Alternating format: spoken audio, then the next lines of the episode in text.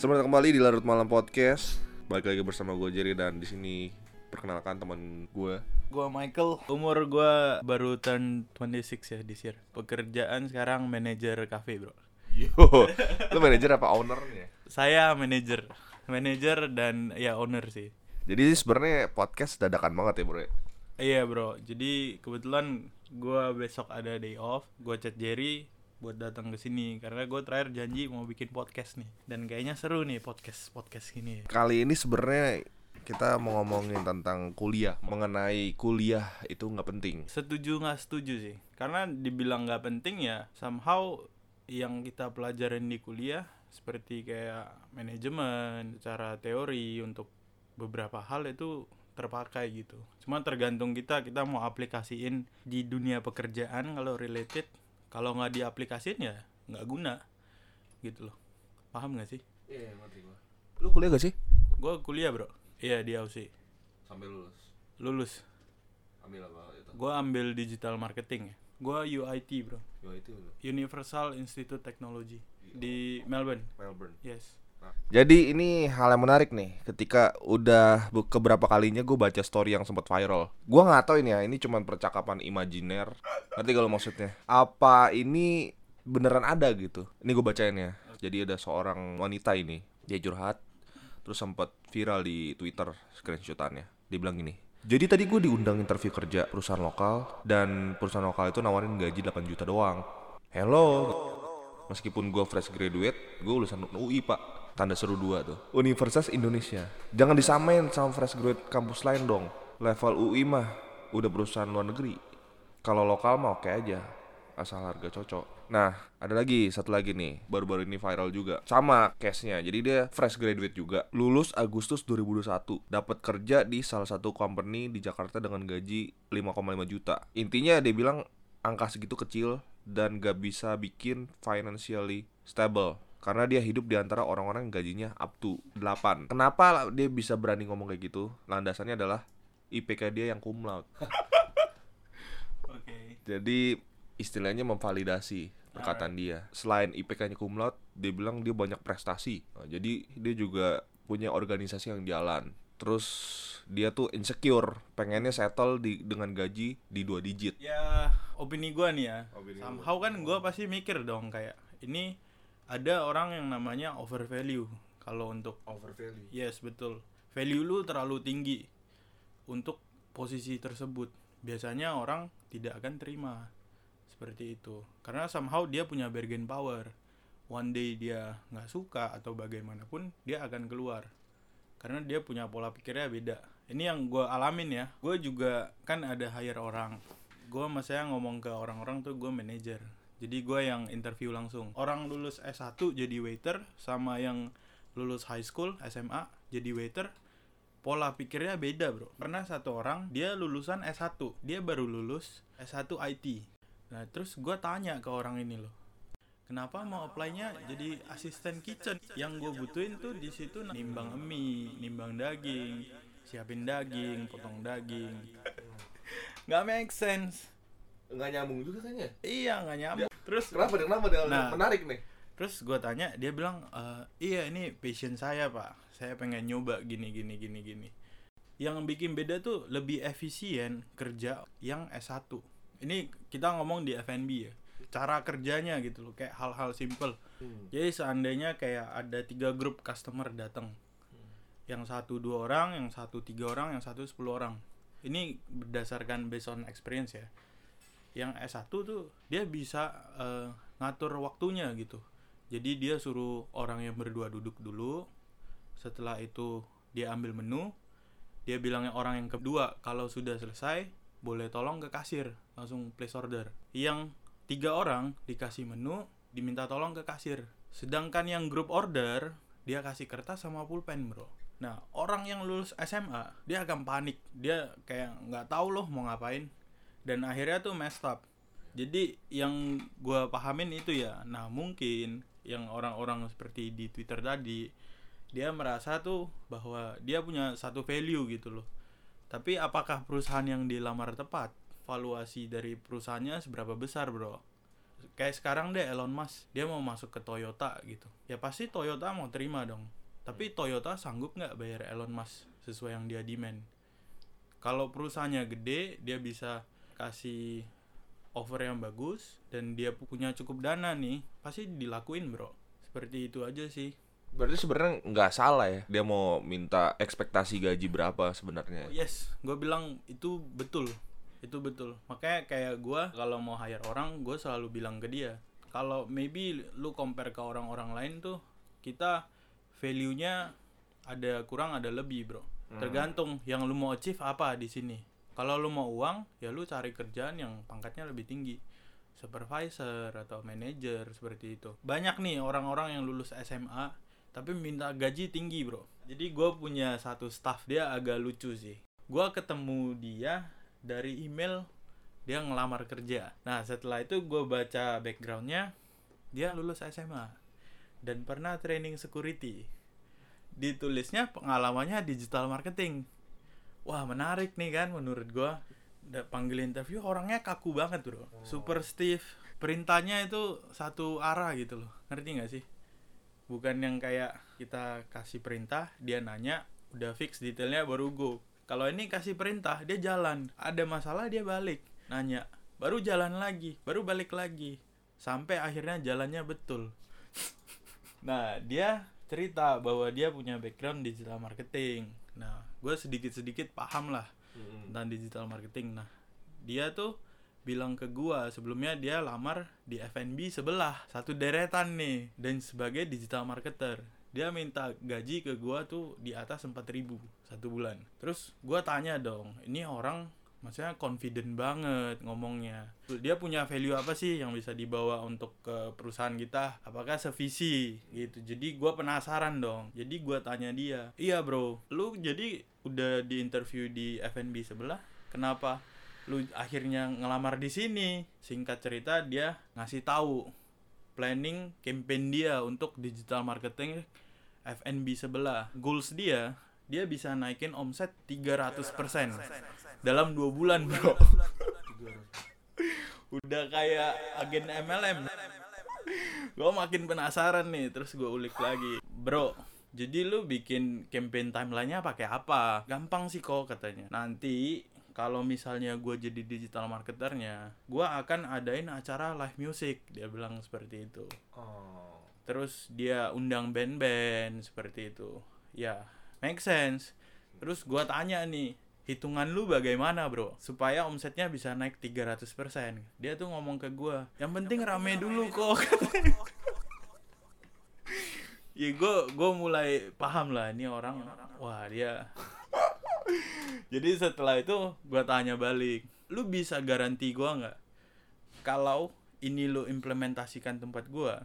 Gue bukan bagi gaji lagi gue bagi lu revenue. Gue bilang gitu kalau lu bisa naikin omset 300% dalam dua bulan. Terus dia diem bro. Terus dia bilang ya kan maksudnya kita coba dulu kok seperti itu. Ya kayak gitu-gitu sih bro.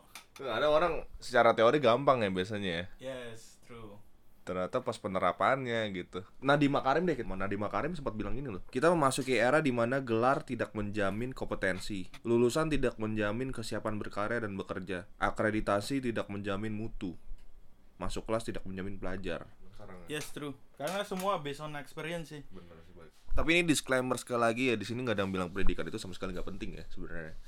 Eh, Balik betul, lagi bro. ya. jangan langsung drop out habis dengar podcast. Nggak maksudnya kalau lu bisa dapat kesempatan untuk studi ya pergunakan hal itu dengan baik, maksimalkan gitu kan. ya betul bro. Tergantung lo meruntuhkan perkuliahan itu sendiri apakah sebagai punya peluang pekerjaan bagus ya boleh aja gitu kan. Tapi harus dibarengi dengan pengalaman sih menurut gua. Tapi nggak ada salahnya kalau misalnya memang lu pengen kuliah dengan alasan pengen pekerjaan yang lebih baik. Tidak ada yang salah dengan itu sekali lagi. Atau misalnya lu pengen kuliah untuk mencari ilmu juga nggak ada yang salah bro ya. modal nama kampus. Itu ada benarnya juga sih. Iya betul. Dapat pride. Dapat pride kan? Gue lulusan pride. UI nih. Iya betul. Tapi kalau dibilang membantu mendapatkan pekerjaan bagus, tapi lu kalau ngomong gitu kenapa ya orang kalau kuliahnya biasa-biasa aja masuk perusahaan gede itu susah ya coba gua tanya kayak e-commerce sekarang lah rata-rata lulusannya mana Untar, Binu. Ada beberapa perusahaan yang prefer dari jalur sini gitu. Karena setahu gua ya, kampus tuh mereka ada punya program kerjasama bro. Jadi lulusan sana lebih mudah untuk bekerja di sini, sini, sini, sini. Karena setiap kampus kan punya value masing-masing yang mereka junjung gitu. Ada yang kayak sekolah aja deh. Ada yang pride-nya di attitude, ada yang di sports. Ada ada beberapa perusahaan mungkin beberapa kali ya, nggak semua kan. Mhm. Beberapa perusahaan yang punya kualifikasi oh minimal dari kampus ini nih enggaknya. Yes. Ya kan ini bukan fix rules gitu. Let's say lu manajernya yang lagi interview HRD. Tiba-tiba nih yang ngelamar tuh alumni di bawah angkatan lu gitu, Bro. Lu kan pasti ada emotional value dong kayak. Wah, ini orang same through what I've been through gitu ya gak sih? Somehow ada orang yang idealis banget, Bro. Dia don't care lah lu gua lulusan mana pun. Terus kedua, yang penting gua mau kerja di bidang gua yang di mana gua belajar ada orang yang idealis lu mau judge dia nggak bisa itu pilihan dia gitu kan beberapa orang mungkin ketemu jalannya untuk dapat pekerjaan impiannya kan Intinya perkuliahan itu penting apa enggak? Eh, penting bro. Penting. penting Penting. penting Tapi dibilang menentukan kesuksesan lu nggak juga kan? it all depends on you Kuliah itu privilege juga kan? Nggak semua orang bisa kuliah kan? betul Gak semua orang bisa mengenyam pendidikan tinggi gitu. Tapi kalau lo bisa mengenyam pendidikan tinggi ya sudah maksimalkan. Tapi oke lah, itu sudah kita bahas. Sekarang kita akan membahas secara personal teman gue ini Michael Stanley. Karena ada cerita menarik mengenai Michael. Dulunya itu Michael sempat ada ada pepatah gini, bukan patah bro. Ini dari Bible dia bilang pergaulan yang buruk merusak kebiasaan yang baik. iya setuju bro Pernah mengenyam pendidikan dengan kuliah khususnya kuliah. oke Pasti kan kita pernah mengalami masa-masa quote unquote bandel ya kan. Oke, siap. Di mana tuh life choice depend on us gitu. Iya, gua anak rantau, Bro. orang Indonesia merantau ke Australia.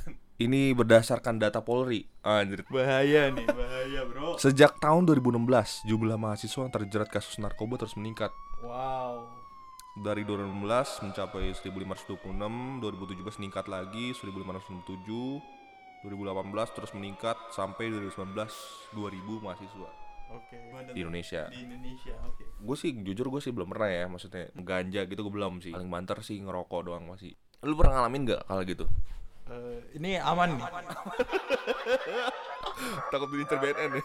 Wah, iya nanti gua dicari-cariin. Enggak, ini cerita masa lalu lah. Saya berani tes urin, Pak. Ini nggak tahu ya, mungkin nggak semua orang alamin. Jadi waktu itu tuh gue jualan sepatu, Bro, di sana. Sepatu. Nah, dari jual sepatu itu profitnya mungkin sekitar 40 sampai 50 ya satu bulan. Kayak Yeezy Zebra itu, Bro, untungnya 17 juta. Terus ada pernah dapat NMD Babe kali jual untungnya 4 jutaan. Tapi lu tetap lanjutin kuliah itu ya? Sempet tuh udah pas di sana gue merasa overwhelmed. Gue mulai karena ada masalah di relationship juga. Dia tuh suka untuk coba-coba hal gitu dan gue kan nggak ngerti ya. Di setelah gue udah nggak sama-sama dia lagi, broken heart. Apa sad boy ya katanya? boy. Sad boy bro. Gue berpikir apa karena kita nggak sefrekuensi ya, makanya kita nggak cocok gitu. Nah akhirnya gue mencoba lah dan menurut gua ya it's okay lah selama itu cuma rekreasional gitu bukan yang kayak lu tiap hari gitu gue pernah nyoba sampai di mana satu tahap itu nggak cukup. Lu wanna try something new lah. Other things. Beberapa sih banyak. Beberapa sih banyak. enggak tipenya tipenya lo kalau kalian searching nih di Google sambil dengerin kalian buka laptop kalian ketik acid. Dia bentuknya kayak perangko. Itu mah LSD kan? Iya LSD, oh, ekstasi. Jadi ada kesempatan. Pertama-tama tuh gue tinggalnya belum dapat apartemen bro. Jadi gue tinggalnya di guest house gitu. Nah di saat itu gue belum jualan sepatu bro. Jadi ma- masih miskin bro. Duit dari dari mana berarti? Ya dari dapat bulanan, injek- bulanan. Injek, injek berarti. Iya betul. Nah di situ tuh banyak orang macam-macam lah. Ada yang dari Jerman, Prancis, ada orang Itali, Malaysia, Korea. Nah kebetulan pemilik rumahnya ini punya lima rumah. Rumah yang gue tinggal kalau nggak salah nomor 12 Setiap hari Jumat malam mereka bikin party bro. Di rumah yang nomor 15 Wah udah kayak American Pie banget bro. Nah setelah gue di sana kan gue nggak pernah ada experience untuk kayak house party house party gitu. Waktu itu malam gue udah nolak tiga kali kan karena gue mau bikin tugas. Nah akhirnya ada datang lah nama ceweknya siapa? Gue lupa lah. Pokoknya orang Meksiko bro. Cakep bro. Terus dia bilang lu nolak terus bro katanya gitu. Sekali sekali datang lah. Nah karena gue penasaran jadi akhirnya gue ikut. Sekali di hari Awalnya? Jumat betul awalnya. First time nih berarti ya. Terus pas hari Jumat itu temanya ini Tibetian. Nah jadi tuh gua nggak ada bajunya kan. Nah akhirnya cewek itu ikut gua ke kamar dan dia tarik spray gua bro. Spray gua warna oranye nih. Oh. Terus diikat jadi jubah. Gua udah seneng dong. Wah ini seru nih partinya. Dan gua tuh bawa bir 6 kaleng. Jadi di sana tuh kalau party yang house party gitu kita bawa minuman sendiri bro setiap orang dan ditaruh ada meja yang buat sharing ada meja yang buat sendiri gitu terbagi lah kelompoknya ada yang couple ada yang ngobrol di grup ada yang main game gua nih kaum kaum gimana ya outsider lah outsider yang Tapi ini biasa kan di sono gitu ya. eh, untuk apa western lah Western. ya western culture itu biasa Barat di barat. Nah, dan mereka tuh punya satu festival unik bro di sana. WIT tuh identiknya dengan 420 nih. Jadi setiap bulan 4 tanggal 20 di jam 4.20 sore lu ke satu garden namanya Flagstaff Garden. Di situ tuh acaranya orang semua giting bro. Oh. Dan polisi cuman jagain di luar. Polisi cuman nangkep yang jualan. Sedangkan lu mau datang, lu mau bawa bong, mau sampai bawa tanamannya nih, lu ambil di grinding, grinding, grinding juga nggak masalah bro. Akhir- akhirnya gua keluar berempat itu bro di balkon sama orang Jerman, Spanyol, sama Malaysia. Gua gua mulai sebat lah. Gua kan bawa rokok Marlboro Indonesia ya. Eh iya orang pada nanya soalnya Marlboro mahal banget bro di sana satu kotak tuh bisa 35 dolar 40 dolar Ah, di sana mahal justru. mahal bro mahal banget nah terus mereka pada nanyain dan akhirnya sebelah gua tuh ngeluarin bungkusan Oh. Terus gua, Ijo-ijo. wah hijau-hijau bro. Terus gua penasaran kan gua tanya ini apa sih? Hah lu nggak tahu bro katanya. Iya gua nggak tahu. Are you sure you don't know? Yeah I'm sure man. I don't know what is it. Bro you coming with a girl just now right? Where is your girl? Well it's not it's not my girl man. It's a housemate. She invited me to a party and then she lost. She's catching up with a guy now. I don't know. It might end up as a hookup if if the guy get lucky. And then afterwards, I mean, the guy start grinding the greens, grinding, grinding, grinding, rolling, rolling, rolling, and then I was like, apa smellsnya different gitu bro. Bau Beda. baunya beda. Aromanya bau baunya beda gitu. Yes betul. And then Lebih apa? Lebih nyengat gitu atau wah nggak bisa describe susah, sih. susah dideskripsikan. Kita bakar aja nih sekarang. Enggak deh, bercanda bro. Bercanda BNN. Terus udah gitu, eh, yang depannya nanya. Akhirnya dipas jointnya. Sudah dipas, dipas lagi ke sebelah. Setelah itu giliran gua dong. Bro, this is your first time, you gotta try it. Just take a small little puff. Oh, dia bilang dikit aja. Eh, lah. dikit aja lah. Gua and then kayak Lu masih takut-takut tuh itu. Nah, gue tuh takut, bro. Karena kita konsepnya tuh di Indonesia, greens is drugs, Iya. weed is drugs. Oke, gua nggak membenarkan weed itu baik gitu ya. Nah, setelah gua take take one puff, gua mulai merasa kurang nyaman dengan tubuh gua, bro. Berapa, Kayak berapa? feeling, feeling. Berapa tuh? Mulai berasanya? Mungkin 15 menit ya, 15 menit awal. 15 menit awal.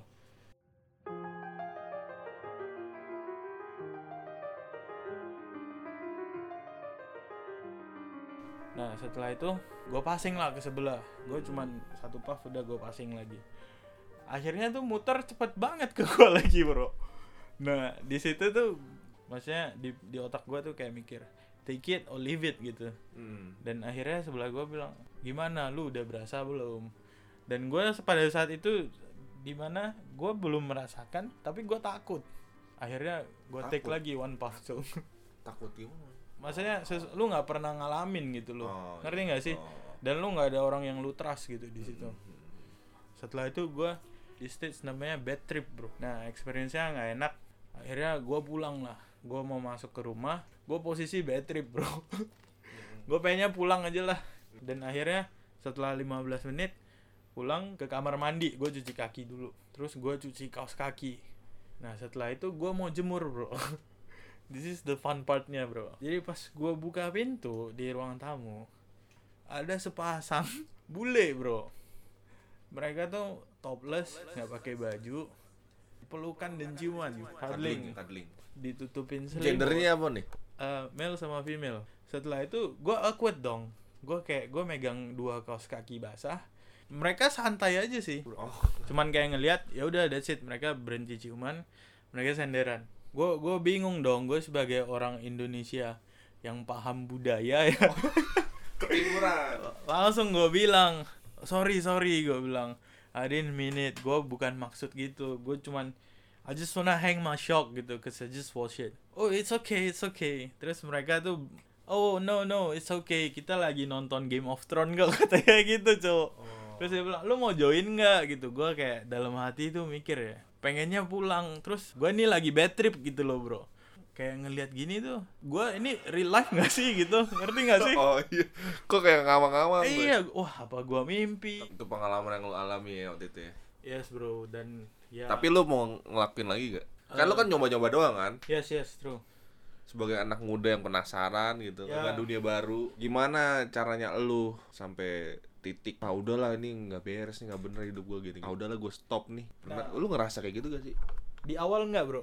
di awal kan ya kalau lagi enak-enak mah ya Ya di awal mana enggak. inget Turn backnya pas di mana semua masalah yang lu tinggalin, kuliah lu lu tinggalin. Nah akhirnya tuh one day gue dapet email panggilan dari kampus student service kampus dibilang katanya gue udah nggak masuk sekolah nggak submit tugas seperti itu nah di saat itu mereka ancam gue bahwasanya gue visanya mau di terminate dan gue akan didepor yang dulu sama-sama lu senang-senang bareng happy-happy sama lu sampai lupa waktu lupa segalanya sekarang justru nggak bisa nolongin lu Ya nggak bisa bro.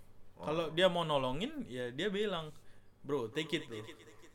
Happy dulu sementara, nanti baru mikir lagi. Kan party people mindsetnya gitu bro.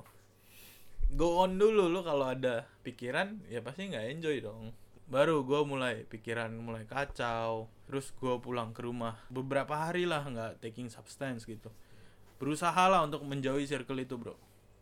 Akhirnya tuh kalau lu sering pakai barang-barang begituan ya bro hidup lu tuh bukan yang tenang-tenang saja bro. Setelah pakai akan lu balik ke real life lagi. Dan akan banyak problem-problem yang lu tinggalin selama ini mulai muncul satu persatu bro dan itu silih berganti bro. Lu orangnya jadi susah fokus. Lu pegang barang sering jatuh. HP pecah terus bro.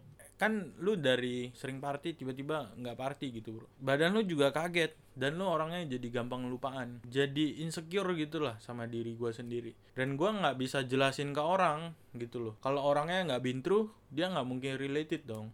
Gua tiap malam doa gua tulis diary tentang apa yang terjadi dari hal sekecil apa pun bro. Mungkin gue di stage di mana sebelumnya kan ya forgetful lah. Terus under substance. Gue tuh mikir hidup tuh harus perfect bro. Kayak semacam OCD gitu paham gak sih? Obsessive compulsive disorder. Yes. Lu mau semuanya terhitung dan terplanning. Jadi lu nggak bisa kayak miss satu hal pun lah. Jadi berapa pump sampo gue hitungin berapa pump sabun gue hitungin. Nah jadi gue bisa planning nih. Gue harus pergi beli sabun mandi hari apa seperti itu Nah, hal-hal kecil gitulah. Begitu juga dengan makanan. Gue mulai start labeling. Berapa hari ini akan busuk seperti itu itu. Jadi otaknya terbuka gitu loh tentang hal-hal detail buat diri lu sendiri yang lu nggak sadar. Aturan lakuin itu loh buat lu. Nah seperti itu. I know it's quite long bro, but then kalau misalnya belum pernah ngalamin, ini life insight lah. life inside Ya untuk kalian. Kalau yang sudah di stage ini, this is your time to break the chains, bro.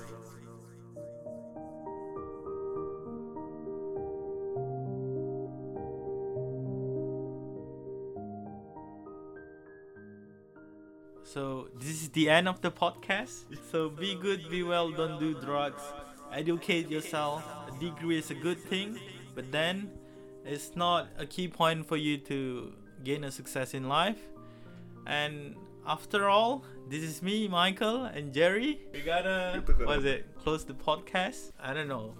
Ya, pokoknya thank you lah buat teman-teman yang udah dengerin podcast ini. Sehat selalu. Jangan lupa buat follow Larut Malam Podcast di Spotify. Dan jangan lupa juga nyalain notifikasinya. Kalau mau cerita-cerita mungkin bisa kirim ke cerita larut malam gmail.com bisa kita bacain dan juga lu mau Advertising. advertising dong. Oke bro, jadi sekarang gua lagi bangun bisnis kecil nih. Namanya Cafe Teras 8 Tempatnya itu ada di Ruko Suparna Sutra Blok B nomor 5 Kita open tuh every day Kita open every day So whenever you wanna come And then maybe you wanna share some of your stories Or maybe you just wanna enjoy Asian fusion food Especially Malaysia, Singapura, Indonesia sama Medan Lu bisa datang, enjoy Dan look after me Michael Woi. Yeah, mention my name. I'll be there. Michael Stanley. Michael Stanley. Oke. Oke, gitu aja sih. Kita undur diri sampai jumpa di episode berikutnya. Okay, bye. See you guys. Bye. Love you.